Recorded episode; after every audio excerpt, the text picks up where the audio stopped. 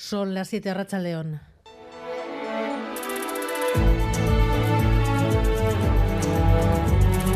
Gambara con Arancha García. El Banco Central Europeo confirma que los tipos de interés estarán en el 3,5 el mes que viene. Hoy ha aprobado una nueva subida de medio punto y ha anunciado de momento otra igual en marzo a Maya, Portugal.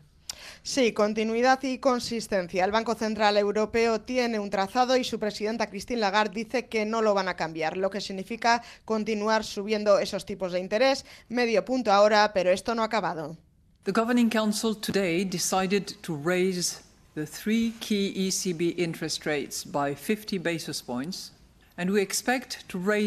y es que Lagarde ha dado prácticamente por segura esa otra subida de medio punto en marzo, con la que el tipo de interés de la eurozona se elevaría hasta el 3,5%. La subida de la inflación se ha reducido en los últimos tres meses, pero Lagarde advierte de que los datos no son tan buenos como parecen y que hay que tener en cuenta, por ejemplo, que la demanda en China va a subir y mucho con el fin de la política cero COVID. Primera consecuencia, créditos a hipotecas más caros, pero los bancos siguen sin trasladar esa aumento de los tipos de interés a los depósitos de los clientes. John Fernández. Efectivamente, desde el que el Banco Central Europeo comenzó a subir los tipos, el crédito se ha encarecido con intensidad, mientras que los depósitos apenas han comenzado a repuntar. Esto está permitiendo a los bancos incrementar su rentabilidad. Además, las comisiones han crecido en los últimos años porque los tipos cercanos a cero, incluso negativos, decían, no daban otro margen a los bancos. Según la OCU, la comisión de mantenimiento media de una cuenta corriente de un banco se ha triplicado en los últimos cinco años, de 44 a 125 euros, con los tipos de interés ya en el 3%. Sin embargo, las comisiones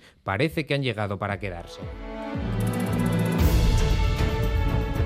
Así que ayer el BBVA, hoy el Santander anunciando beneficios récord, las mayores desde 2007, antes de la crisis financiera. A las ministras socialistas de Economía y Hacienda, entre tanto, la propuesta de congelar las hipotecas que hizo ayer Yolanda Díez no les convence. Subida de los tipos que coincide con un repunte del paro. El fin de las campañas de Navidad han dejado sin trabajo a 2.000 personas en Euskadi y casi 10.000 afiliados menos a la seguridad social. Las más perjudicadas, las mujeres.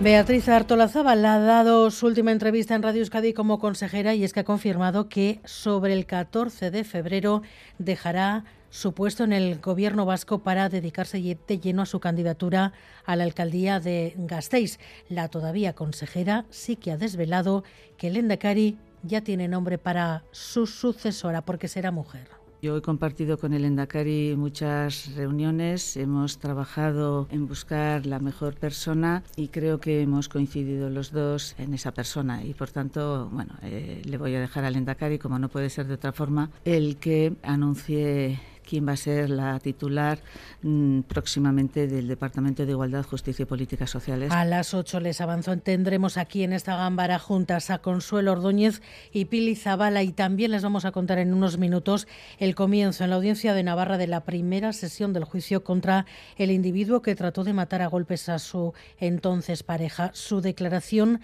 ha causado estupor por la falta de empatía hacia la víctima dice que no fue una agresión premeditada, sino al calor de su discusión. Ahora habrá que ver si el tribunal, si convence al tribunal esa estrategia de defensa.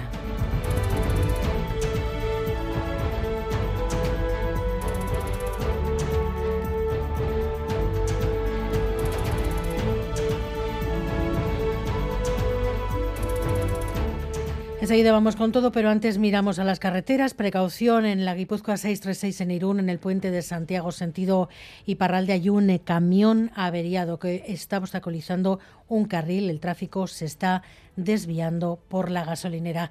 Y los deportes, a Carega, León. A León, hoy los equipos de la Liga en Primera División terminan de ponerse al día con el Real Madrid-Valencia, que comenzará a las 9 de la noche. Mañana se abre la segunda vuelta, a las 9 el Atleti recibirá en Samamés al Cádiz con la obligación de ganar para no desengancharse de los puestos europeos. Iñaki Williams está prácticamente descartado, mientras que Berenguer estará disponible casi seguro, pese a haber padecido una gastroenteritis en las últimas horas. Además, en ciclismo, segunda etapa de la vuelta a la comunidad valenciana. Primer contacto con la montaña y victoria para Chicone del Trek Segafredo, que además se ha hecho con el liderato. Pello Bilbao ha sido tercero, Mikel Landa quinto y Aramburu octavo.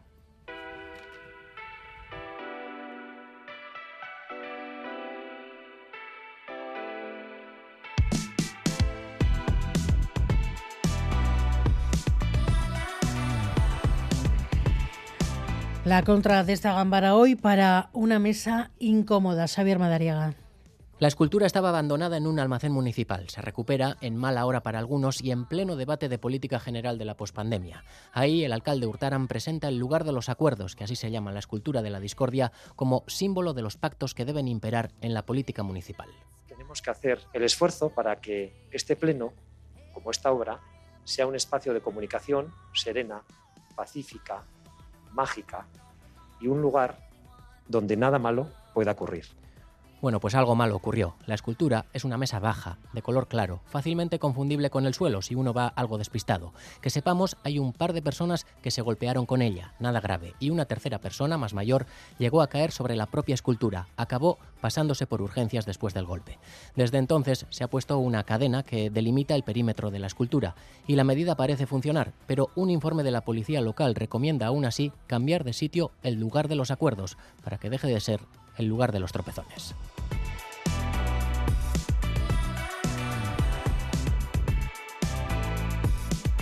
Alberto Zubel y Miguel Ortiz están en la dirección técnica, Cristina Vázquez en la producción.